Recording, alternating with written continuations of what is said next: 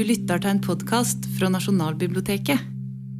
Hei, og så hyggelig å se at det faktisk sitter folk i salen. Det er så deilig å sitte på en scene og se på levende mennesker. Eh, det er jo litt sånn enda at man er litt sånn restriktiv med å bevege seg ut, men jeg er veldig glad for at vi har noen å eh, få litt respons fra her i kveld. Eh, og velkommen. Dette blir jo en sånn litt løssluppen mimrekveld om 80-tallsmat. og vi skal snakke litt om hva vi hadde på tallerkenen, og også litt om hvorfor. Eh, så velkommen til alle i salen. Eh, velkommen til dere som ser på på streamingen. Og så har vi da et panel her som eh, jeg glatt gir terningkast seks. Martha, Torgrim og Harald. Så velkommen til dere også.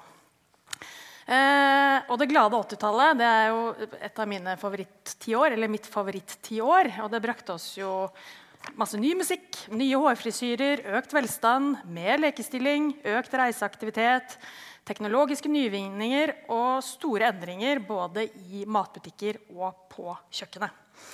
Og selv så var jeg både barn og tenåring på 80-tallet. Eh, og det er nok det tiåret da som har eh, preget meg aller mest som menneske. Også var det tiåret hvor jeg fikk en eh, stor interesse for mat og matlaging. Eh, og et, jeg har bare lyst til å fortelle om et av de første virkelig store matminnene jeg hadde. Og kanskje det aller sterkeste matminnet jeg noen gang har hatt. Eh, og det var når jeg var ganske liten og ble invitert på middag hjem til en familie som hadde kommet til Norge som båtflyktninger fra Vietnam. Eh, og jeg husker ikke hva vi spiste, det kan jeg ikke gjenkalle, men jeg husker veldig godt opplevelsen av det eh, måltidet. Det skjedde veldig store ting i munnen. Det eksploderte, og det spredde seg opp til hodet med en eller annen sånn vill følelse, og så ut i resten av kroppen etterpå. Og jeg var helt sånn sjokkert over at smak kunne gjøre noe sånt. At det kunne kjennes i hele, eh, hele kroppen. Og jeg tror det øyeblikket forandra meg ganske mye og gjorde at jeg eh, begynte å jakte på gode smaker fra tidlig alder, og det har jeg fortsatt med. Og det tror jeg også panelet her har gjort gjennom tidene. Men nå skal vi ikke snakke om meg. Nå skal vi snakke med dere og snakke om dere og om 80-tallsmat. Eh, og jeg tenkte at vi skulle først starte med en slags eh, tur i tidsmaskinen og ta dere i panelet tilbake til eh, 80-tallet og der dere var da. Eh, jeg begynner med deg, Harald Osa. Eh, du var jo mesterkokk på 80-tallet. Eh, du var med på å starte Jans mat- og vinhus. og Det var Stavangers første gourmetrestaurant og en av Norges første gourmetrestauranter. Og For det arbeidet så ble du også kåret til årets kjøkkensjef i 1986. Og så var du på kokkelandslaget. Eh, og der tok det en bronse sammenlagt i KK-OL i 1988, eh, var det vel, sammen med bl.a. Bent Stiansen og Arne Brimi og flere andre kokker vi kjenner i dag som store legender. Og Lagleder var også en legende. Det var Edgar Luddel fra eh, Park Hotell i Sandefjord og Ludds Gourmet, som det etter hvert ble hetende. Men kan du fortelle oss litt, eh, hva var det som rørte seg på restaurantkjøkkenet på 80-tallet? Var det noen nye impulser og retninger? Hva tenkte dere? Hva gjorde dere? Ja, eh, jeg eh, jobba på slutten av 70-tallet i, i, Frankrike og kom faktisk hjem til Norge igjen etter tre år i utlendighet i, i 1980. Eh, og jeg må jo si det at det var, det var et lite sjokk å komme fra matkulturnasjonen nei, Frankrike med fantastiske råvarer, alt du kunne tenke deg. Og så kom jeg hjem til Stavanger, og det var, det var litt trist. Det var ikke så veldig mye utvalg i, i butikkene. Eh, I hvert fall ikke det jeg var vant med. Så det var, det var en, en, en eh, det var en spesiell opplevelse, det må jeg si. Og Vi starta restaurant da i uh, Jans mat og vinhus i, på, helt på slutten av 1981. Og det jeg husker når vi skulle diskutere menyen da, For det var jo sånn at på alle restauranter så var det stort sett rekecocktail, det var løksuppe, det var pepperstek og det var biffsnadder. Og det måtte alle ha på menyen. Uh, og vi hadde svær diskusjon om dette her. Eh, om vi skulle ha det på menyen. Eh, og heldigvis så tok vi beslutningen at det skulle vi ikke ha. Vi gjorde det vågale å åpne restaurant uten å ha det på menyen. Og det, det gikk bra. Uh, men jeg husker de diskusjonene. Det var, det var utrolig uh, morsomt. Men på den tida var det jo sånn at eh, man skulle bruke utenlandske råvarer. Det var ikke noe stolthet rundt de norske råvarene. Det var ikke noe fokus på det. Det skulle være på en måte utenlandsk, være importerte råvarer, utenlandske navn osv. osv. Ingen fokus på det norske. Og det tror jeg var litt uh, veldig typisk for hele 80-tallet. At det var sånn. Uh, og Den som gikk kanskje i bresjen på den tida, var var jo Arne Brimi, som sto fram med det norske og norske råvarer og norsk matkultur. Og, ja, han, det tok kanskje 30 år før han uh, fikk rett. Men han hadde rett da òg. Men, men, det tror jeg var det mest typiske. Det var mm. det utenlandske. Mm. Jeg så du var gjest på eh, herregud, hva heter det? Ingrid Espelid Hovedits eh, Fjernsynskjøkkenet. Eh, etter at du var blitt eh, kåra til årets kjøkkensjef. Og Da snakka du litt om det her. Det er en stund siden jeg så det nå, men jeg liker å se sånne kamp. Det er genialt med NRK-appen. Man kan gå inn og se Fjernsynskjøkkenet og andre spennende ting.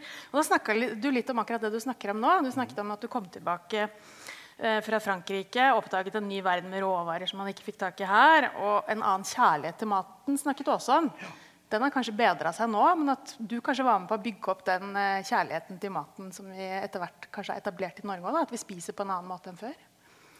Ja, vi har jo, eh, nå, nå, vi har jo fått en, I dag har vi fått en mm. bevissthet rundt mm. egne råvarer og egen matkultur. og det er jo ingen kokker eller kjøkkensjefer med respekt for seg sjøl som ikke står fram med vår identitet og alt det der. Man ser kokker som leker seg mm. med mattradisjonene, med vafler på nye måter. Jeg syns det er fantastisk. Men det var jo ikke på den tida.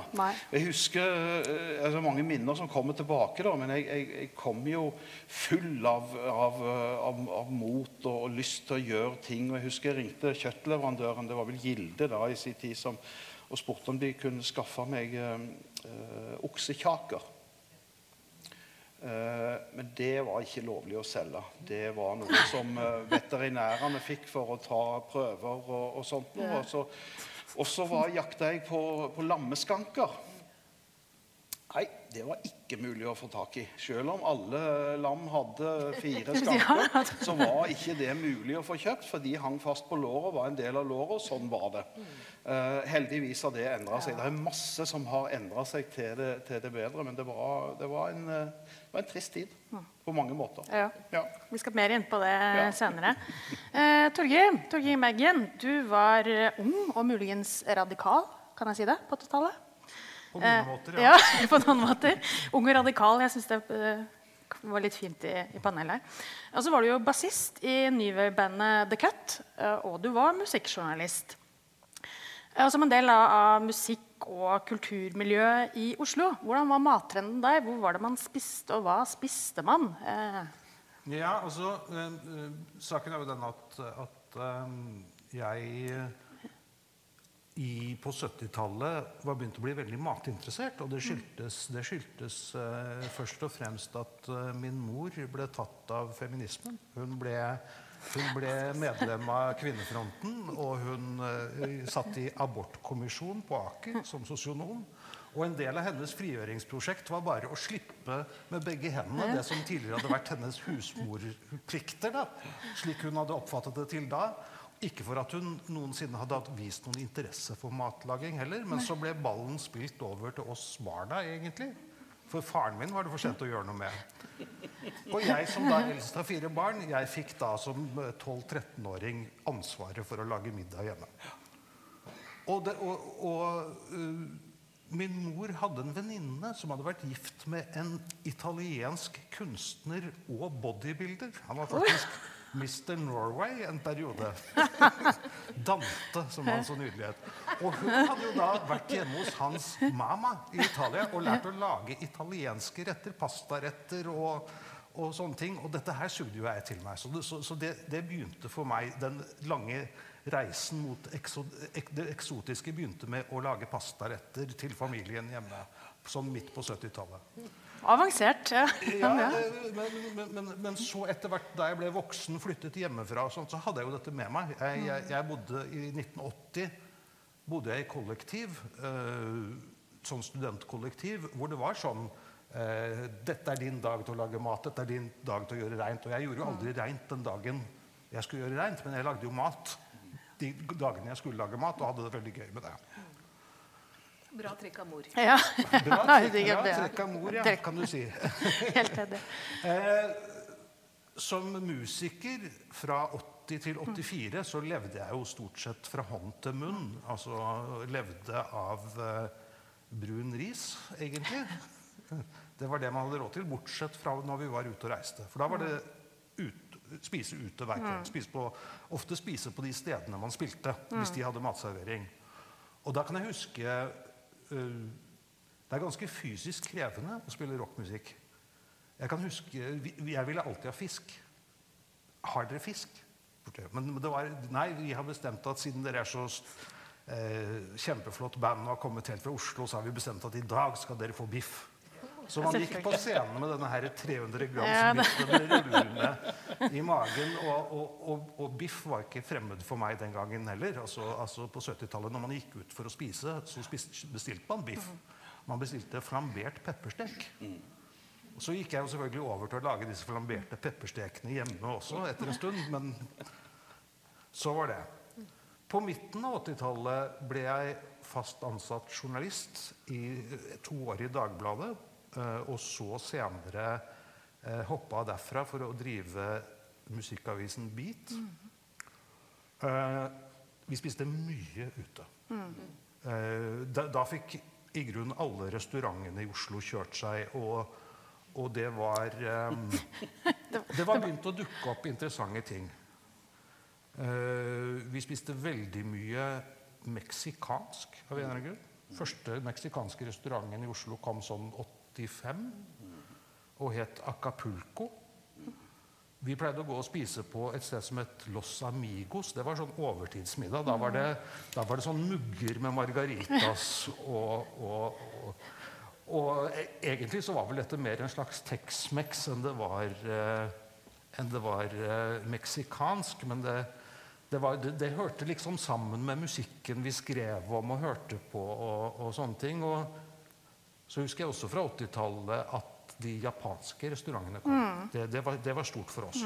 Altså 87 kom de første eh, japanske restaurantene. Det var én på Skillebekk som het Sakura, og en på Aker Brygge som het Teppanyaki. Og da ble vi kjent med sushi og sånne ting som har blitt, som har blitt norsk hverdagsmat i dag. Men det var fryktelig eksotisk den gangen. For det var egentlig ganske eksotisk inn på 90-tallet for mange. Men Ja, var da, ja, da, men i hvert, fall Ja. så, i hvert fall så jeg som hadde denne bakgrunnen som hjemmekokk, jeg begynte jo å lage denne maten. Jeg begynte, I løpet av 80-tallet så hadde jeg lagd indisk mat, jeg hadde lagd japansk mat, sushi også. Eh, Jeg hadde lagd eh, indonesisk mat, meksikansk mat selvfølgelig. Så repertoaret utvidet seg mm. voldsomt. da.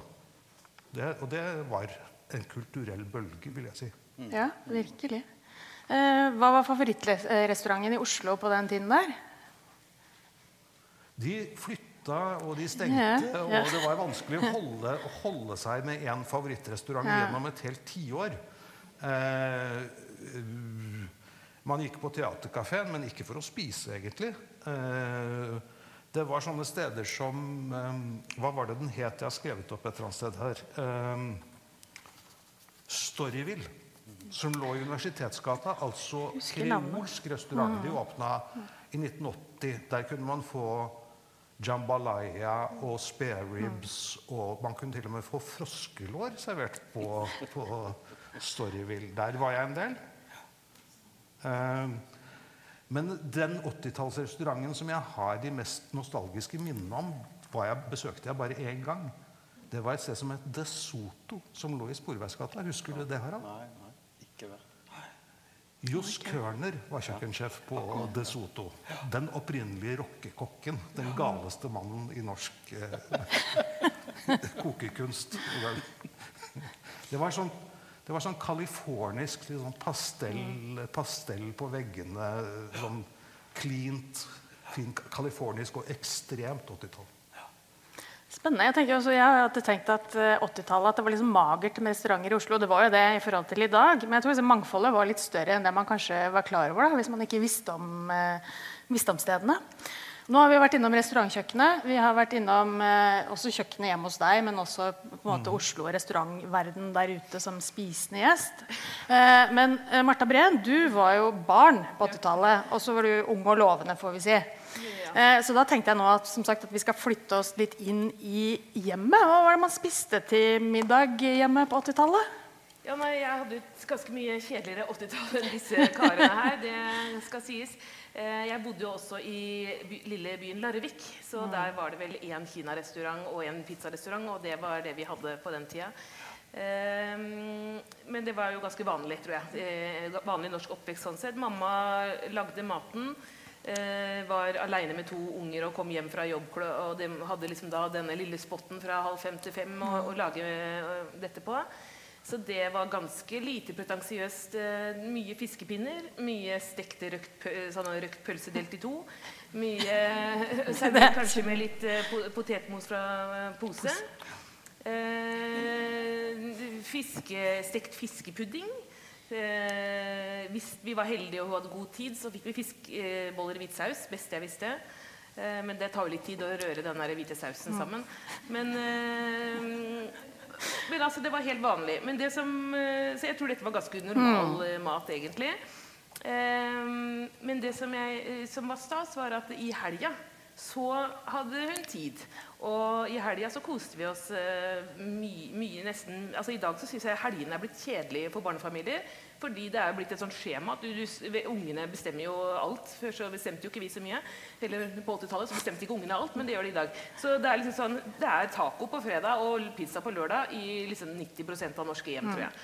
Eh, ingen slingringsbånd. Hvis du prøver på noe annet, så blir det grining. Så, mm, men sånn var det ikke hos oss. Det var mamma som bestemte menyen. og vi hadde f.eks. hjemmelagd lasagne eh, ofte. Noen ganger moussaka også, fordi hun eh, ferierte i Hellas og plukka opp noen ideer der. Og satsiki og mm, med ja, mm, gryteretter eh, som hadde stått lenge. Eh, litt sånn, hun hadde med seg litt fra 70-tallet. ikke sant? Eh, var jo sånn raddis miljø egentlig. Så det var sånn spansk oksegryte og den typen ting hadde de liksom med seg litt fra 70-tallet. Eh, rødvin lagde de jo sjøl på baderomsgulvet i en sånn stor tank. Lukte Lukta alltid gjær. Eh, helbakt ørret. Altså hun eh, for det er også liksom sånn, I dag så er det laksefileter. Det var ikke så mye av det. Kjøpte en hel fisk. Eh, Skjærte den opp og putta inn eh, smør og hvitløk og persille og sånn. Og i aluminiumsfolie.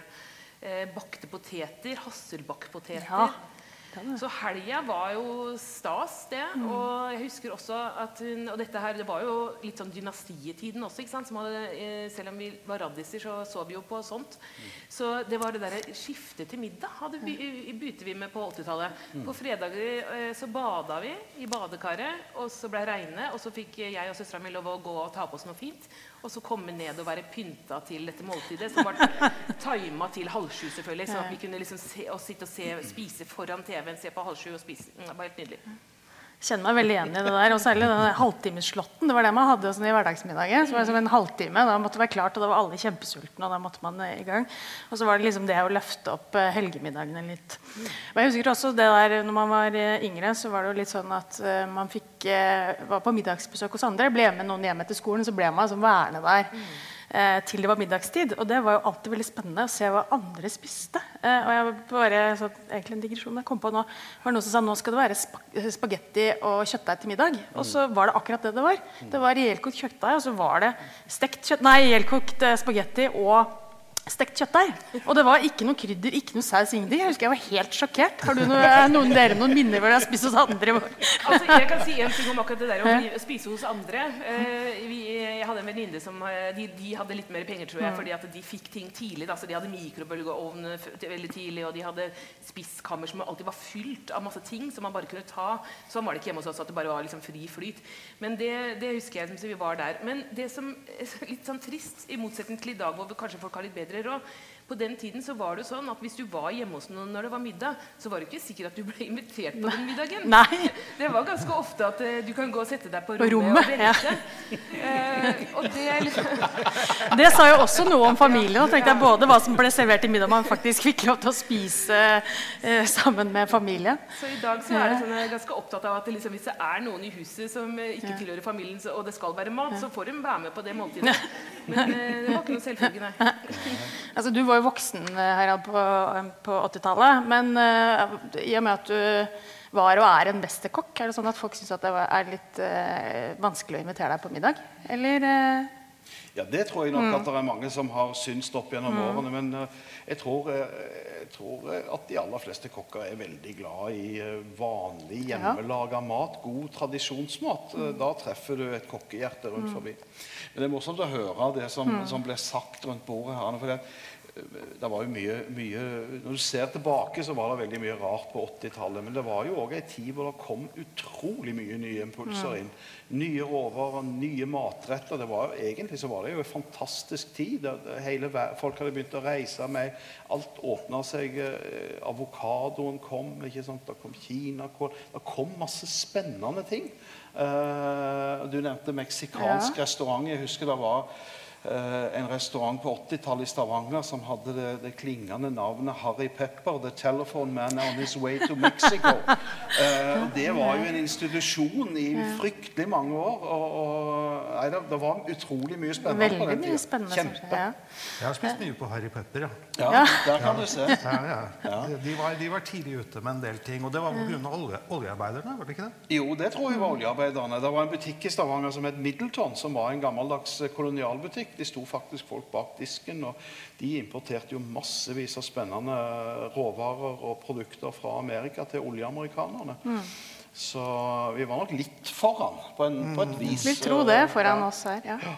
Så, men du nevnte òg peppersteik. Det får meg til å tenke på på den tida, og det varte jo lenger, langt, mye lenger enn 80-tallet, så var jo disse kuene, eller oksene, eller hva de nå heter når de, når de blir slakta, de, de hadde jo ytrefilet, og så hadde de indrefilet.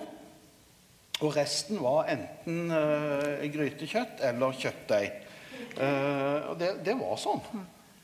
Heldigvis har vi kommet lenger i dag, da. Men Det vi, det tok, ja. tok ganske lang tid. Veldig lang tid. Eh, Du var inne på kinakål. Det må vi si litt mer om. For det er jo en sånn litt morsom ting som sikkert alle her har erfaring med. At man trodde at kinakål Jeg likte det egentlig ikke. Jeg trodde ikke jeg likte det. Kinakål ble brukt som salat, med, gjerne med maiskorn og Thousand Island-dressing. Og det var jo virkelig ikke godt. Men, altså, men kinakål er jo noe annet enn det. Det er bare fire dager siden sist Ja. jeg fikk kinakål Ja. servert som salat. Ja, kinakål som ja det salat. lever jo for så vidt. Ja. Dette lever, dette lever. Ja, det lever i hvert fall sånn i, på småsteder, og sikkert også i Oslo og andre steder. Men hvordan er det egentlig man skal bruke Du nevnte noe om det på bakrommet, Torgrim. Eh, Kinakål. Ja. lage kimchi. Ikke sant? Det er det man skal gjøre. Altså, altså, altså gjære den med masse krydder. Altså, på, gjære den på glass osv. Jeg har bare gjort det to ganger. Man, man blir stående med dette svære glasset på kjøkkenbenken og er redd for at det skal eksplodere. Fordi det foregår melkesyregjæring og sånn oppi der. Det er rede vitenskapen. Man kan bare bukke det òg, da. Altså, blir, er det ikke godt liksom, å få litt varme på det, bare? Jo, Varme det er veldig godt. Det er- det er- Varme er det som skal til. Mm. Ja, for jeg tenker ki Kimchi er jo, for, det er jo acquired taste. Det er, Men Jeg har varmebehandla spist grillpølse med kimchi. Aldeles utmerket. Ja, det er kjempegodt. Det, det kan være kjempegodt. Men kinakål er en fantastisk grønnsak. Eh, men uh, den, det er jo godt rått òg, da, i salat. Men det er jo aller best når du får stekt Ja. den. For varmebehandla den, gjerne braisert Ja. den, grytekokt den lenge. Så, å, det er Ja, det er fantastisk mat. altså. Ja. Helt nydelig. Og da, altså, vi snakker om kinakål. Liksom, kinamat da, som vi sier, kinamat i Norge. Det var jo også Den første kinarestauranten kom vel faktisk eh, på 60-tallet i Oslo. Men det var vel ikke allmenn eie før på 80-tallet at man begynte å spise kinamat. da, som vi Jeg kan huske det. Ja, Å gå du, på ja. kinarestaurant med familien min allerede på 60-tallet. Ja. Peking House, som Ja. lå der nede ved Munchs gate. Det Og så var det noe oppe i Pilestredet. Shanghai House eller et eller annet sånt. Så det var-. Det, det, det var vel da jeg som, som eh, tiåring, eller hva det kan ha vært, først fikk oppleve dette med, med sterk mat. For det sto alltid en sånn flaske med tabasco på bordet. Det har jo mye med kinesisk Kina, mat å gjøre. Det Ja. amerikansk. Ja. ja, for det var vel ja. Louisiana, men det trodde man liksom man skulle ta på. da. Og så fikk man jo liksom det sjokket da oppdaga hva, hva dette gjorde med smaksløkene og, og, og, og sånne ting. Men eh, som dere vet, altså chili er vanedannende. Mm. Når man først begynner på den galeien, så skal man ha sterkere og sterkere og sterkere stoffer. Og det, det fortsatte jeg med helt til, helt til en gang i 97, da jeg var i 97, ja, da jeg var i Mexico og skulle smake liksom på det virkelig sterke.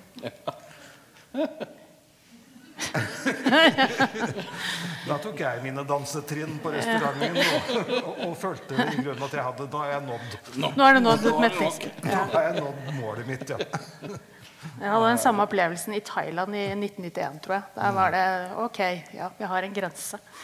Men noe av det, altså, i hvert fall på 80-tallet, noe av den maten som vi da spiste som vi kalte kinamat, eh, eh, hadde ikke alltid kanskje det var litt sånn amerikanisert eller norskifisert. Den hadde kanskje ikke nødvendigvis så mye med ekte altså vi snakker om kinesisk mat å gjøre.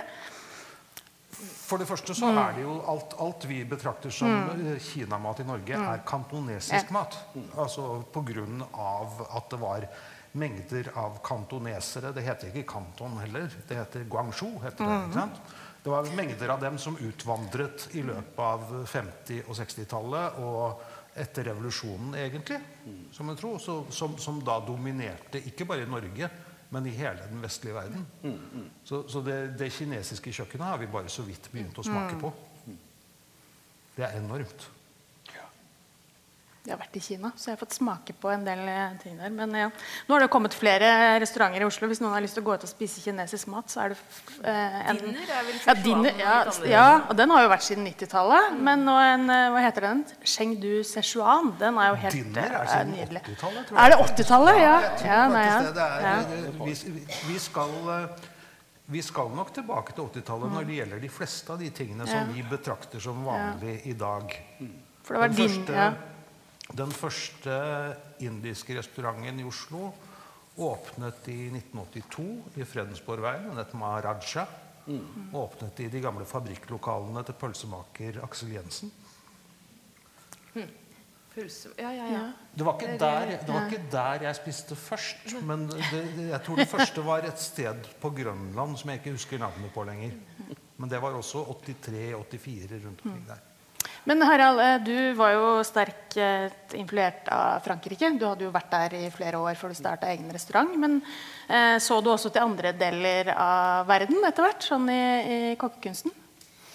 Det var nok i hovedsak mm. Frankrike og Europa, det europeiske kjøkken, det klassiske kjøkken, som var i fokus på 80-tallet. Det var det. Eh, Men jeg syns jo at vi hadde fantastiske råvarer i Norge, da. Eh, og, og så mye av det. Men eh, vi var vel kanskje litt tidlig ute. Mm. det. Så er det sånn at På 80-tallet, så eh, bare for å gå litt videre så føler man at man definitivt kanskje tok farvel med den tradisjonelle husmoren. Og i hvert fall så var det flere kvinner som kom ut i arbeid. Og Du var jo litt inne på det, Martha, også det her med den der halvtimesslåtten som man eh, egentlig hadde til å lage middag, som tidligere kanskje var litt lengre, at man hadde mer tid til å lage mat. Eh, og Vi skal litt inn på hva det gjorde med matvanene våre. Men jeg tenkte først, var det virkelig sånn at eh, husmoren var eh, død og begravet på 80-tallet? Eh, Det var jo brutalt eh, framstilt, men ja. eh, For så vidt så var det jo veldig mye som skjedde i, året, altså i løpet av 70-tallet. For de tallene, altså, de tallene som er på 71, der har jeg lest tall på eh, hvor, mange hus, eh, kvinner som var husmødre. Og det var den store flertallet av norske kvinner var husmødre på, i 71. Eh, 3 av norske barn gikk i barnehage. Eh, og så tar du, hopper du ti år fram i tid, så er det helt helt eh, snudd på huet. Så da er det på en måte en revolusjon på det feltet da, i de åra. Og også statusen til husmora. sant? Fra at du som husmor For det fantes jo husmødre på 80-tallet òg, men de, eh, det var jo ikke noe du slo deg på brystet av, for det var jo på en måte blitt eh, rakka ganske mye ned på av feministbølgen. Så det var eh, en, eh, en fase hvor ikke det eh, Hvor ikke du fikk så mye kred for det. Det som var kvinneidealet på 80-tallet, var jo å være eh, i arbeidslivet. Du, tenker jo på den, Hvis du ser de der, altså filmen 'Working Girl' med Melanie Griffith Man skulle ha skulderputer, du skulle ha en liten drakt, du skulle være opp på vei opp. Eh, liksom. Og det var på en måte liksom, veldig sånn idealkvinnen den gangen. Og da var det jo eh, ikke det å stå og lage hjemmelagd mat som eh, ga eh, trendpoeng. da. Så, og ferdigmaten bidro veldig med det. At man, eh, det var jo, ble sett på som altså Toro ble jo på 80-tallet sett på som en eh, altså moderne og frigjørende på mange måter. Eh, når det, i, I vår generasjon så blir det sett på som barnemishandling. Så det har forandra seg veldig. Jeg hadde, ja. Jo, det oppsto, det oppsto jo et slags hull der, et ansvarshull, som jeg prøvde å skildre med med fortellingen om min mor. Altså kvinner av, kvinner av min generasjon kan ikke lage mat. Det er vel litt individuelt. Jeg, jeg håper Jeg ble helt sjokkert. Men du lærte deg å lage mat. Ja. Det var en eh, Men på, på den tida så kom jo Det var jo utrolig mye ferdigmat som kom inn i eh, Og det var mye dårlig ferdigmat. Det var jo Disse gryterettene det var jo Toro-gryte, meksikansk gryte, det var massevis Det var ikke spesielt godt mye av dette her. Hvis, men vi syns jo at det var godt. Da. ja, det, var det. Det, er jo, det er jo rett og slett det at uh, smaken utvikler seg. ikke sant? Og, og at på den tiden så var det mye av det som fungerte helt fint til, til datidens eh, og så, uh, jeg, jeg skriver en bok som heter uh, Jeg skrev en bok for noen år siden som het 'Født feminist'. 'Hele Norge baker ikke'. Som er et litt sånn, det er mye sånn hjertesukk over at det hadde vært da så veldig mye Nå snakker vi sånn fem-seks-syv år siden. Ka, bake, kakebaking og cupcakesbaking. Og det var en sånn kjempetrend på det. Og så kom det også noen sånn eh, eh, matpakkebøker. Du skulle lage sånne matpakker som skulle, ungene skulle synes var stas. da, Med å liksom trykke ut sånne hjerteagurker og skjære og holde på. da. Og så blei det liksom så mye av det. Og så skulle også matjournalistikken var veldig sånn lag alt fra bånn og Toro er fy. Og hvor kraft skal du koke hele helga og sånn. Så blei det liksom ramsløk Ramsløkpesto og ja.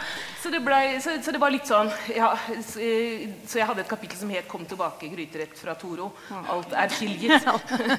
og og, og det, eh, det er jo liksom Fordi at det er jo ja, eh, noen som skal eh, For er, du har jo mange andre krav i dag som, som eh, ikke man hadde på 80-tallet. For så skal man jo følge opp ungene på en helt annen måte. eh, I forhold til lekser, i forhold til eh, FAU, i forhold til å kjøre dem hit og dit. Altså De kravene rundt å følge opp unger på skolen er mye mye større i dag enn på 80-tallet. Eh, og i tillegg så har vi masse Så jobber jo i motsetning til altså, selv om kvinner, mange, de fleste kvinner da begynte å jobbe ute på 80-tallet, så jobber folk mer i dag. Altså, det er jo, det er, nå er det aller aller fleste familier do, altså, Der jobber begge. Så, og så skal du da, Hvis du da begynner å sette noen sånne høyere krav til at eh, også skal barne, skal ha baby, så skal den maten også være gry... Liksom, eh, du skal ikke kjøpe sånn glass. Nei, det er fælt. Man skal lage det fra bånn og sånn. Så, så det var egentlig det som jeg skrev om da. At du putter masse flere krav som høres fint ut. og sånt noe. Vi har jo egentlig lyst til dette. Jeg tror de fleste har lyst til å lage sunn og god og hjemmelagd mat. Men så blir det bare mer og mer på Så da tenker jeg noen ganger så må man kunne stikke hull på den ballongen og så si dette får være bra nok. Og, og jeg tenker at eh, Når det gjelder ferdigmat, som du sier, ja, mye var dårlig. Det har jo blitt, det har jo blitt bedre, heldigvis. Det finnes jo så mye gode ferdigmatprodukter i dag. Og jeg leste en sånn, Det var en sånn forsker som heter Trygve eh, Ekelund. Han har doktorgrad i konserveringsmidler, og han har snakka disse kokkene litt imot på Eller de, de, ikke kokkene, men matjournalistikken da, litt imot på dette feltet. Fordi han sier at eh, industrimaten har et ufortjent dårlig rykte. Eh, man får jo inntrykk liksom, at alt er farlig, og tilsetningsstoffer er farlige. og sånn, Men han sier at eh, industrimaten har eh, tvert imot vært med på å gi jevnere kvalitet og bedre folkehelse. Og matsikkerheten er høyere enn noen gang. da. Eh, prosessering er ikke nytt, sier han. Det er ikke mye brød, vin eller ost ute i naturen. Vi har alltid gjort det så. Vi har alltid gjort det så industrielt og effektivt som vi kunne. Også bestemor brukte hemningsløst de tilsetningsstoffene som var tilgjengelig. Og det var liksom deilig å bare ja. godt. Det er godt å, å slappe av litt òg. Det er jo noen ytterpunkter der liksom med alt er halvfabrikata og alt skal være hjemmelaget. Det fins Ja. jo en sånn mellomting. Og Ja. noen ganger så, det fins jo også veldig mange gode råvarer som man faktisk kan lage velsmakende og gode middager av som ikke tar så veldig lang tid. Så man må, det er jo ikke enten-eller, eller hva? Ja. Nei, jeg vet ikke. Men du sier at Ja. husmora var på vei ut, eh, og, og det, det er jo helt sikkert riktig. Men, men eh, hva skjedde med mennene, da? Ja. Altså, jeg ser Bri- Britt, Britt Kåsin Ja. sitter her i, i, salen. og Hun var jo ute med en bok om, om, om mat og menn helt på begynnelsen av 80-tallet. Og menn skulle lære å lage bl.a. bakepotet, tror jeg. Og, og, og hva gjorde menn på den tida, da?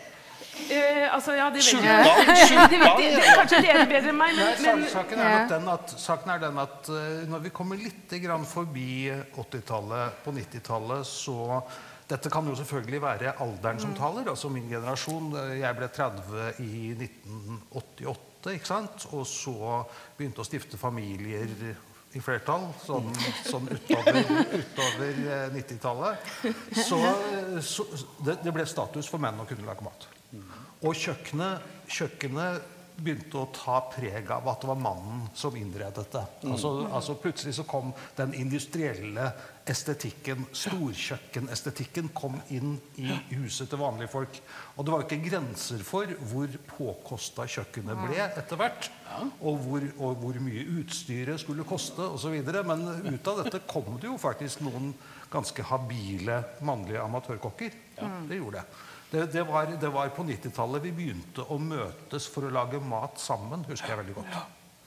Og det, og det foregikk jo med en voldsom vinsmaking eh, i forkant. Det var vin. Det Ja, det var vin, det var, det var en so sosial begivenhet på sett og vis. Martha, du Ja, nei, altså jeg, eh, Det du beskriver, er jo på en måte riktig eh, i visse miljøer. ikke sant? Og, og, og det, men jeg tror ikke det var eh, Ola Nordmann likevel. Eh, Menn forandra seg ikke like fort som kvinner. Kvinner forandra seg faktisk som masse. veldig Veldig Altså tok, eh, i løpet av de 70-åra og fram. Og så gikk det saktere for mennene. Og det førte jo til at man fikk eh, masse krangling hjemme. Fordi at det var en, hel, en generasjon kvinner som skulle lære opp en hel generasjon menn til å ta et ansvar som ikke de hadde blitt oppdratt i.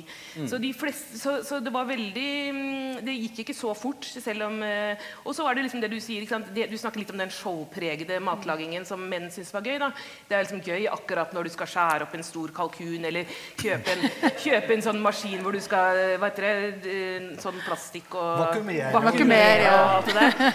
Eller, eh, Sous vide. liksom, eller, eller showgrillinga på Alt dette tar jævlig lang tid og er kjempe tar veldig liksom- lang tid og er kjempedyrt. Og det er selvfølgelig ikke hverdagsmat jeg snakker om nå. Og grillinga og sånn. Det er liksom mann. Så, så det er det det er- som det- det- Eller sånn høne, grille en høne med sånn ølboks i rumpa. Det er liksom som mannen min syns var, var stas. Likevel så må det sies at, at, eh, at eh, som eh, herr Osa kan stå inne for, når du har, er vant til å lage mat, så går det fort. Altså det, det, tar, det tar ikke meg lengre tid å lage en pastarett fra bånn enn det tar å varme opp et uh, halvfabrikat. Ikke sant? Altså, dette har med trening å gjøre. Og det er klart, alle fikk ikke den treningen. Jeg tenkte på, Det var morsomt når du sa med dette med, med kokebøker for menn. fordi at jeg leste, Det var en forsker som hadde forska på disse kokebøkene som var beregna for menn. og Det, det, var liksom, det var litt gøy, for de første der var jo de tok liksom, Det var sånn som de første pappabøkene òg, som liksom skal forklare mannen forskjell fram og tilbake på babyen. liksom. Sånn gjør, altså liksom, Det var helt sånn amatør. altså Man liksom snakka til dem som om de var helt uh, tullete da, på de første bøkene. Og så bevega det seg ganske raskt til mer avansert og til eh, en egen kultur. Til man i dag kanskje ikke trenger egne kokebøker for menn. Eh, Ja, det vil jeg tro. Men på kjøkkenet, altså, så, altså hjemme på 80-tallet, så var det fremdeles altså, flest kvinner som kanskje sto for matlaging. Her var det krangling, og det var en, en, noe som var i gjære, og noe som bevegde på seg. Eh, men på restaurantkjøkkenet, og særlig i hvert fall på gourmetkjøkken og på kokkelandsdaget, så var det jo veldig mannsdominert. Eh, Harald, hva tror du er grunnen til det? Eller hva er grunnen til det? Nei, jeg vet ikke helt uh, egentlig, men, men eh, det, det var nok eh, I hvert fall de som sto fram, det var jo stort sett uh, menn. Men på kjøkkenet så var det jo faktisk veldig mye damer og jenter. Uh, også den gangen, men det var ingen som sto fram. Hvorfor det det, er ikke, det er ikke så lett å vite egentlig hva, hva som er grunnen. Men man kan jo alltid spekulere litt. Grann, ikke sant? Det er jo, altså, kokkefaget er jo, var jo den gang og, og er i dag òg et ganske krevende yrke. Hvis du skal, hvis du skal eh, på en måte ha noen ambisjoner, og du jobber kveld, og du jobber helger, og du jobber når andre har fri. og det er jo eh, rimelig langt fra familievennlig, ikke sant? Eh, og da er det jo Damene har jo tatt det valget, da. Har du noen kommentar til det? på jeg den tenker- galeien, men, eh, men eh, tenker bare på det med stå, altså det, hvem som står fram, eller hvem som blir løfta fram. Det Ja. kan man jo si at det kan jo være hvem som blir sett i et miljø, og hvem som får eh, eh, Så det, det tror jeg nok at kanskje var enda sterkere kjønnsstrukturer på 80-tallet enn i dag. Sånn at det var nok også den delen av det. Men jeg må jo si at Jeg sa innledningsvis at jeg jobba i Frankrike i tre år, eller helt på slutten av 70-tallet. Der var det ingen damer på kjøkkenet. Nei, ingen overhodet. Nei. Når, du, når jeg kom hjem, så var det jo jenter på kjøkken og jenter på skolen, eh, altså på kokkeskolen, og det, det var liksom helt Det var sånn. Det var bare sånn. Så veldig stor forskjell. Det var det. Da vi lå langt framme. Det var jo altså, fransk kjøkken er jo en helt egen kultur. altså Restaurantkjøkken det er jo, den, den har jo et slags sånn militære forbilder, egentlig. Altså Med kadaverdisiplin og det ene med det andre. Og, og, og ja, ikke et spesielt eh, kvinnevennlig miljø. Og, og, det er klart at dette ble jo kopiert også i Norge. Altså Hvis vi går til et sted som Bagatell, så var det like tøft å jobbe der som det var å jobbe på en fransk restaurant. Du fikk kjeft, og du fikk kniver kasta etter deg og i det hele tatt. Eh, men dette har endret seg. Det er et helt annet miljø på restauranter i dag. I dag er det helt På annerledes. Ja, ja. Og, og de siste ti årene har jo, har jo de første eh, ordentlige eh, store kvinnelige kjøkkensjefene kommet fram. Og det er kjempebra. Og, og, og- det tror jeg vil endre seg i årene som kommer. Mm. For et enda større fokus på Det er så fantastisk mye flinke folk som fortjener å stå fram. Men det er riktig det som du sier, det var en kadaverdisiplin. Jeg, jeg ble slått jeg i Frankrike. Eh, og det er, ikke, det er ikke tull, altså. Jeg ble skikkelig slått og kom hjem med blå og ømme skuldre og greier. For det, så det var tøft. Men, uh, Men ja. jeg var altså da for en, for en åtte års tid siden uh, i forbindelse med en reportasje jeg skulle skrive, så jobba jeg en dag på, på gourmetrestaurant i Oslo. Eh, på det som da het Ylajali. Som det var eh, tilfeldigvis den samme måneden som de fikk sin første Michelin-stjerne. Som var eh, reportasje som var litt eh, Det var ikke takket være meg. Det kan jeg, si. jeg, jeg som da hadde lagd mat lenger enn de fleste der hadde levd, jeg fikk jo ikke lov til å gjøre noen verdens ting. Du fikk se. Men jeg fikk se, og jeg fikk gjøre veldig enkle oppga- oppgaver. Men i hvert fall poenget var at det var to kvinner av åtte, tror jeg, i, i kjøkkenbrigaden. Og det var et sånn rolig, behersket tone. Altså eh, et miljø som, som var helt stikk i strid med det jeg hadde hørt og lest meg til fra skal vi si, gamle, sånn. gamle dager. Gode gamle dager. En helt annen kultur. Altså. Men jeg tror jo nå, Vi håper jo og tror som du sier, at nå med flere kvinnelige kokkeprofiler, da, at vi får se enda mer til det i framtiden. Nå tenker jeg vi skal gå litt grann videre. Eh, for altså På 80-tallet så var det jo også jappetid. Eh, sånn fra 1983 til 87-ish omtrent. Eh, og vi vet jo da at etterspørselen etter dyre forbruksvarer økte. Og en ting var jo at det ble solgt veldig mange flere biler. Og det, og det forårsaka også at det var veldig mange flere alvorlige bilulykker. faktisk. Men jeg tenkte litt sånn, påvirka jappetiden eh, altså matkulturen? Jeg er litt for ung til å liksom vært inne i det, men jeg husker at vi snakket om høy champagneføring og østers og russisk kaviar til eh, lunsj. Altså, hva, hva tenker dere om jappetida, og hva slags påvirkning hadde den inn på matkulturen? Du var jo en del av det. Ja, du var jo det. Jeg har i hvert fall skrevet en roman Ja, om, om jappetida som skildrer dette her. I, i, og jo, eh, det, det, det var firmakort. Firmakortet kom. Eh, og det ble svingt. Og det ble svingt igjen. Eh, og, og helt klart eh, det at det plutselig var mye løse penger ute og gikk i Oslo, og helt sikkert også i Stavanger, eh, Så eh, det førte til en oppblomstring i restaurantlivet og til ja, et, et, et fokus på luksusråvarer som, som s- vi var inne på, på tidlig på 80-tallet så var disse importert, men utover 80-tallet ble det flere, mer og mer norsk. Jeg kan huske, Det siste måltidet jeg kan huske fra 1980-tallet, var et julebord på Fossheim turisthotell i Lom hos Arne Brimi jula 1989. Og da spiste vi bjønn, og da spiste vi eh, bare norske råvarer. Men helt klart, altså, altså Champagnesalget eksploderte i noen få år. Altså fra 84 til 87 omtrent, da krakket kom. Mm. Jeg jobba selv i en eh, bedrift som, som i en kort og berusende stund var finansiert av jappepenger. Altså musikkavisen Beat, som jo da egentlig ikke hadde livets rett på noen som helst måte, sånn økonomisk, men, men vi la oss på den samme livsstilen. Vi spiste hummer til lunsj. Hummerbilen, hummerbilen kom fra Smør-Pettersen klokka tolv. Vi åpna Chablis til hummeren.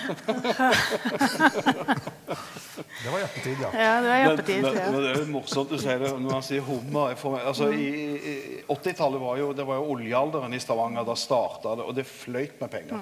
Der var så mye penger. Eh, og amerikanerne de hadde ruller, og det var, det var firmakort òg. Men jeg husker en, når du sier hummer, så husker jeg en morsom episode fra, fra en oljemesse i, midt på 80-tallet. Der var det Min kollega eh, på Jans mat og vinhus, som- som het Jan, da, han eh, kom ut på kjøkkenet til meg og så sier han, eh, 'Harald, har du noe levende hummer?' 'Ja, ja, det har jeg', sier jeg. Og så leste vi opp på et stort fat levende hummer inn til et, eh, et bord som satt der. satt tolv mann på et langbord. Og så kommer Jan inn og så sier han, Would any, anyone care for lobster? For? Og alle var jo opp med hendene, og alle skulle ha hummer. Og så kom han ut til meg og så sier han, eh, alle skal ha. Og jeg kokte hummer. Og de spiste. Eh, og så husker jeg når, når gjesten skulle gå, han som var vert da, han kom ut bak kulissene og så sier han Don't ever do that lobster trick with me again. Han hadde, han hadde jo ikke tenkt han skulle betale hummer til alle sammen. Det ble et kjempedyrt måltid. Men, eh, så, men han hadde råd til det. Vi kan vel kanskje se, se noen klasseskiller der i forhold til hvem som spiser hva på 80-tallet, og kanskje også litt sånn skille mellom eh, by og land.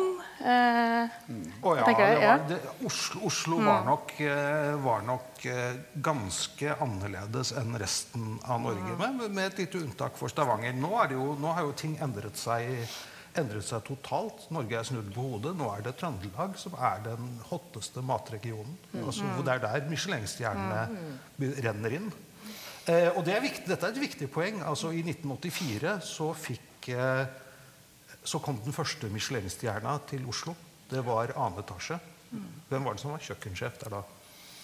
Åh, nei, det eh, husker jeg. Var det Trond Solberg? Ja. Ja, jeg husker det ikke. Nei. Det var, det var et, viktig, et viktig vendepunkt, sånn eh, at vi begynte, å, vi begynte å sammenligne oss med det beste internasjonalt. Altså i hvert fall noen, et lite miljø gjorde det. Eh, jeg har tatt, tatt, tatt med meg et lite sitat som eh, fra husker, husker du André Eng? Yes. Du har kanskje jobba med André Eng til og med? Nei. Han var i hvert fall eh, halvt fransk og sterkt frankofil kjøkkensjef på noen restauranter i Oslo. Og, og han uttalte til VG i 1977 at det norske kjøkkenet er verdens dårligste. Ti år etter var det ikke mulig å påstå det lenger. Nei, men han hadde rett da. Han hadde rett. Da, hadde, det, det, det var da vi nådde bånd, egentlig. Ja, jeg tror det. Eh, Martha, du hadde, vi snakket om det på bakrommet her. Et, eh, du hadde et, eh, hva skal man si, et essay eller et eh, kåseri eller hva det er. Noe, et utdrag, noe som Dag Solstad skrev. Dag. Solstad, ja, for Han var nemlig enig med dette her at Ja. Norges kjøkken er verdens dårligste. Eh, og han hadde det på trykk i Klassekampen i 1982, som da var på en måte før det begynte å, å før, ja, boble, og før jappetida mm, festa seg. Og det han hadde gjort da, han, altså det, det norske, norske vaner, særlig matvaner, og Den radikale kvinne het dette kåseriet. Um, og som da tar for seg den, den, veldig triste matkulturen som han mente vi befant oss i. Uh, Wienerpølser, dølle matpakker. Altså Nordmenn skal ha kald, kalde brødskiver i en pakke. Uh, fiskepanetter og sånn. Og så dro han da eh, Han går på tur da ute i skogen for å dra til Ullevålseter og på noen sånne kafeer der. Eh, og så hadde han sett for seg at han skulle sette seg ned og spise en god middag. da, Han var sulten. Skulle ha, ville ha noe biff eller noe kjøtt og noe rødvin og sånn. Men det var jo selvfølgelig ikke det på disse kafeene. Det er jo noen tørre wienerbrød og sur, gammel kaffe. Og kjempeskuffa da, over at liksom ikke de Hvorfor hadde dette vært eh, liksom en kafé i franske skoger? Så hadde kjøkkensjefene konkurrert med hverandre om å levere den beste maten på tur og sånn. Så det er liksom en, mye sånn sutring gjennom hele essayet. da. Eh, men han er jo morsom, da. Så skriver han liksom etter hvert um, Han skal konkludere med årsaken til denne miseren, og da står det uh, Jeg sier rett ut at jeg tror at årsaka er venstresidas kvinne.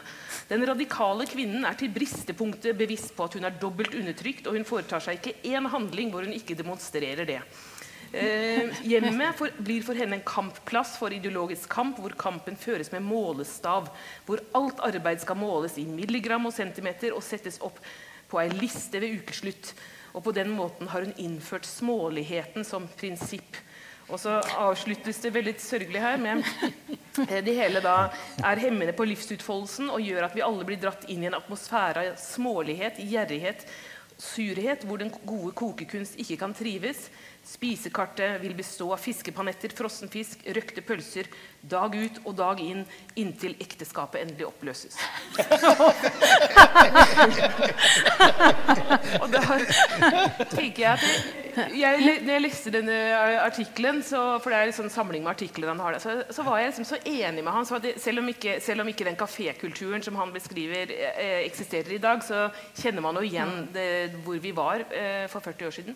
Eh, så, men så er, liksom all, så jeg er enig i alt helt fram til konklusjonen. og jeg er ikke enig i at det er eh, fordi han nevner jo ikke mannen. Altså, Hvis du er så misfornøyd med, mannen, med maten, hvorfor kan du ikke prøve å lage noe sjøl? Jeg skulle til å spørre hvor er mannen i dette? ja, ja.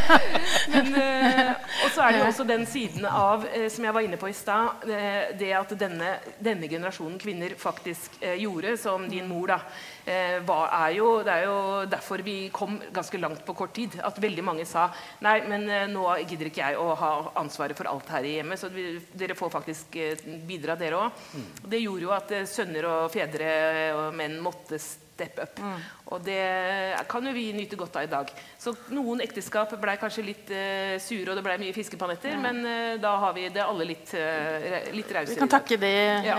avbrutte ekteskapene. Min far var spesielt vanskelig å temme.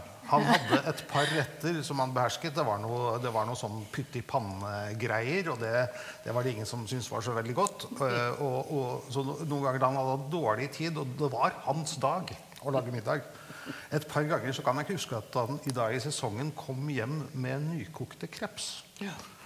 Det var sesong, og han elsket kreps. Det var det beste han visste. Og dette her ble da satt fram som middag til, til en familie på seks. da.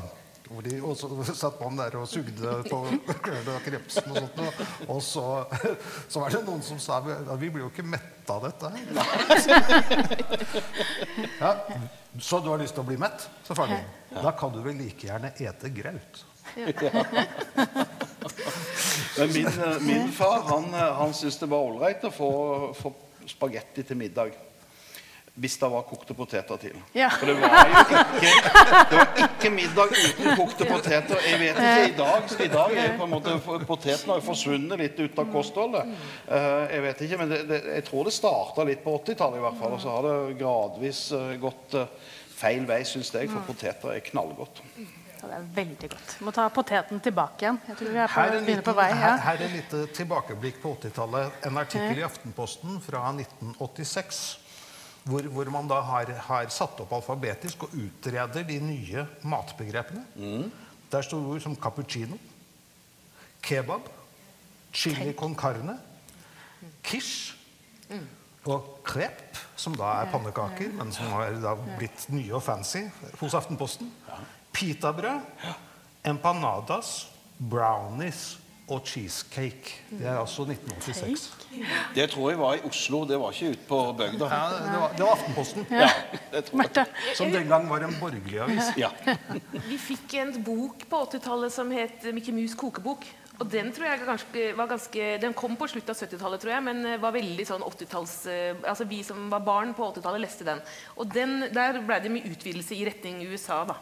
Det var eh, milkshake og cheeseburger, og, og da tror jeg barna gjennom bl.a. den og annen amerikansk påvirkning da eh, begynte å be om den typen mat hjemme. Og, og McDonald's kom jo i 82 eller 81 til Oslo og, og sånne ting. Og da, og da var det jo på en måte Det er liksom litt den starten på det som jeg snakka om i stad. Det er litt triste. At det skal være barnemat i helga. Men eh, det, det er jo på en måte Ja. 83 kom McDonald's til Oslo. Eh, og, men jeg husker jo også at på slutten av 80-tallet så kom de litt mer fancy burgerstedene. Eh, Bollywood. Var det ja, Ja. og, og, og Beach eh, Club. Beach Club, Cruise Café på Aker Brygge. Der, der, der eh, vanka jeg og mine kolleger fordi vi hadde et sånt eh, litt sånt ideologisk ideolo vi, vi hadde ideologiske motiver for å spise hamburgere, for det var nemlig, det var nemlig Elvis' favorittmåltid. Altså, det var som en nattverd dette å gå og spise seg hamburgeren. Og samtidig følte man seg, følte man seg de distanserte seg litt fra venstresida og deres uh, evinnelige USA-hat. ikke sant? Så vi hadde slagordet 'Gjør din burgerplikt'. Da vi toget vi ned til Aker Brygge for å spise gourmetburgere, da, i den grad det var det vi lagde den gangen. Ja, den skal jeg stjele. Men dere, altså, tiden er i ferd med å renne ut. Vi kunne jo sitte her eh, i timevis. Men jeg tenkte vi kunne avslutte med på en måte å runde av litt. Og på en måte trekke en linje fra 80-tallet kanskje til i dag. Hvor er vi i dag, og hva har vi tatt med oss eh, av det gode? Eh, og det som ikke er så bra, kanskje, fra 80-tallet? Eh, Harald, vil du begynne? Ja, gjerne det. Altså, jeg, jeg, jeg vet ikke helt hva vi har tatt med oss, men vi har jo Det, det som jeg syns er fantastisk i dag eh, når jeg, snakker om restaurantbransjen og, og, og mine kolleger ute i, i den bransjen. Den, den bevisstheten omkring egne råvarer, stolthet over egen matkultur, at vi har på en måte eh, fått en, en, en sånn matkulturell identitet, eh, det syns jeg er helt fantastisk. Eh, og det er jeg så utrolig glad over. Man, man, man, nå står folk fram og sier at vi har verdens beste sjømat. Det har vi hatt hele tiden. Men plutselig så har man på en måte Det har, det har seget liksom inn. Vi har fantastiske råvarer på kjøttsida, på viltsida. Vi har fantastiske grønnsaker, frukt osv. Vi har så utrolig mye å være stolt over. Eh, og jeg, eh, jeg tror matkulturen og, og, og dette kommer til å utvikle seg fantastisk eh, i årene som, som kommer. Fordi at den yngre generasjonen av, av kokker som vokser opp i dag, de, de har et helt annet forhold til det. De, er, de, de har fått dette inn litt med morsmelka, denne stoltheten. Og så begynner de å leke seg med matkulturen vår og, og, og utforske den og råvarene. Det syns jeg er helt utrolig fantastisk. Og mye av dette det har jo starta på 80-tallet, for det var da nye råvarer kom inn, nye impulser og alt det der. Eh, og så sugde vi alt til oss, og så har det på en måte fylt seg opp med kunnskap, og så må vi realisere oss sjøl. det tror jeg er i ferd med å skje. Veldig godt Ja, oppsummert. et, et viktig moment er at eh, veldig mye av dette som ble introdusert på 1980-tallet, har mer eller mindre blitt hverdagsmat i dag. Altså, vi snakker om sushien, vi snakker om tacoen, vi snakker om indiske Ja, ja. type retter. og mm. Men, men altså, eh, det er veldig spennende det, det Harald snakker om. Og det, og det trekket som er aller mest spennende, syns jeg nå er nesten er avindustrialiseringen av norsk matkultur. Altså det at, eh, at mens man på 80-tallet da eh, gikk på Superen og hadde valget mellom fire forskjellige oster, egentlig, som, som ble lagd sentralt eh, i Fellesmeieriets eh, eh, apparat, ikke sant?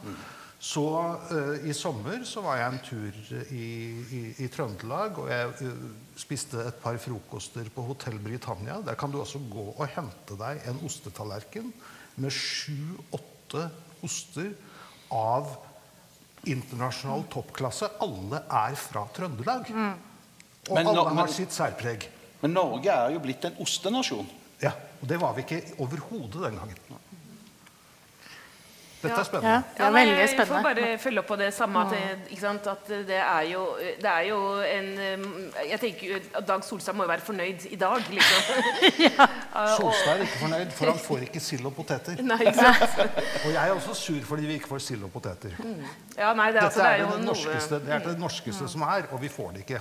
Noe, noe er tapt, selvfølgelig, og sånn, men jeg tenker eh, i det store og hele at man fra at det å gå på kafé, restaurant var en, noe man gjorde i de store anledninger, og som veldig mange aldri gjorde, så har vi liksom det tilbudet vi har i dag, og at det er såpass pga. eh, grunn av økonomien så er, er det noe de veldig, veldig mange benytter seg av. Og det som har skjedd med Oslo de siste bare fem-seks åra, er jo eh, Eh, Altså Det er jo så gøy å bo i den byen her. Og hver gang man kommer til sentrum, så ser man noe nytt. Og så får man smake noe nytt, og så er det ting som Så jeg tenker jo at eh, den utviklingen der, fra liksom eh, sur kaffe og wienerbrød til hva du enn kan tenke deg, eh, gjør jo at det er veldig gøy for oss som er interessert i mat, å bo i byen her. Det beriker jo livet. og det, Vi snakket om det der med kjærligheten til maten som de hadde som jeg snakket om innledningsvis her, til Frank, eller som de hadde i Frankrike, som du ikke opplevde at man hadde i Norge. Jeg tenker jo Nå har vi en større kjærlighet til maten, både til de norske råvarene, men også til det å nyte maten. At det ikke bare er noe man liksom skal kaste i seg. Og oppleve maten sammen. altså Gå ut og spise sammen, invitere folk på middag. Det er på en måte en en viktig måte å omgås på. At vi også snakker om, mye mer om det vi spiser, enn vi gjorde før. Da. Man sitter og snakker om smaker. Og, ja. Ja, men tenk deg at du kan, Nå kan du faktisk reise eh, landet rundt, hele Norge rundt, og finne fantastiske spisesteder som tar vare på uh, mattradisjonen, som leverer lokale råvarer. eh, altså Ref. Britannia. Mm. og det er, det, det, er, det er helt utrolig. Det er kjempekjekt. Det er veldig veldig kjekt. Og så er det litt dyrt òg når du reiser. da. Ja, det sånn er det jo. Man må jo prioritere. Billig er. Ja, Billig, billig, ja, billig. Nei, er prioriteringer. Men dere, tiden vår er dessverre ute. Eh, tusen takk, eh, Harald, Torgrim og Martha. Dette var veldig spennende og interessant. Jeg håper dere i salen også hadde en eh, god opplevelse, og dere som så på hjemme. Så gi disse tre en applaus.